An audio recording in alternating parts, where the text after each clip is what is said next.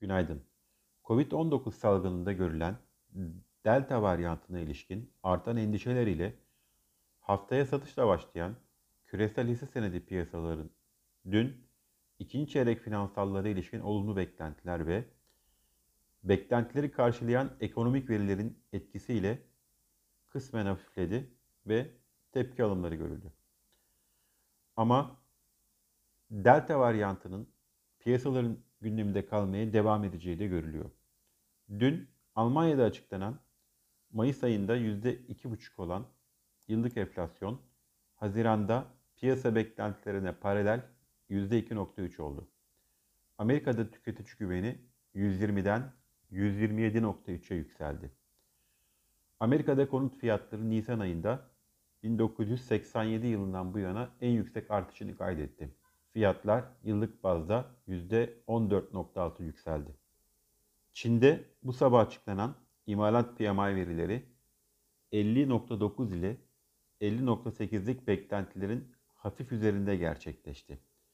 Japonya'da Mayıs ayı sanayi üretimi ise aylık bazda %5.9 geriledi.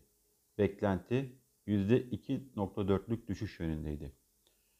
Yurt içinde ise dün açıklanan verilerde Haziran ayında ekonomik güven endeksi %5.6 artışla 97.8 oldu. Bankacılık sektörünün net karı Ocak-Mayıs döneminde geçen yılın aynı dönemine göre %9 düşüşle 24 milyar 735 milyon TL oldu. Bu dönemde kredilerin takibe dönüşüm oranı ise %3.69 oldu. Bugün yurt içinde saat 10'da açıklanacak dış ticaret verilerine göre Mayıs ayında dış ticaret açığının 4.1 milyar dolar olması bekleniyor.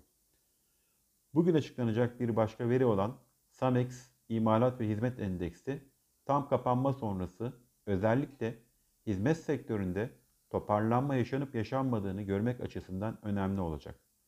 Mayıs ayında Samex Hizmet Endeksi 52.9'dan 51.5'a gerilemiş, sanayi endeksi ise 52.2'den 49.9'a gerilemişti.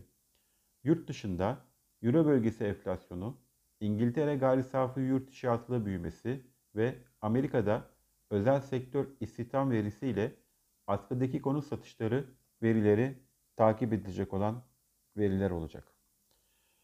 Dün gün içinde negatif bir seyir izleyerek 1350 seviyelerine kadar gerileyen BIST 100 endeksi gün sonuna doğru gelen tepki alımları ile günü hafif değer kaybı ile 1371 puan seviyesinden tamamladı. Endeks için 1400 direnç seviyelerine doğru tepki alımlarının sürmesini bekliyoruz. İyi günler, bereketli kazançlar.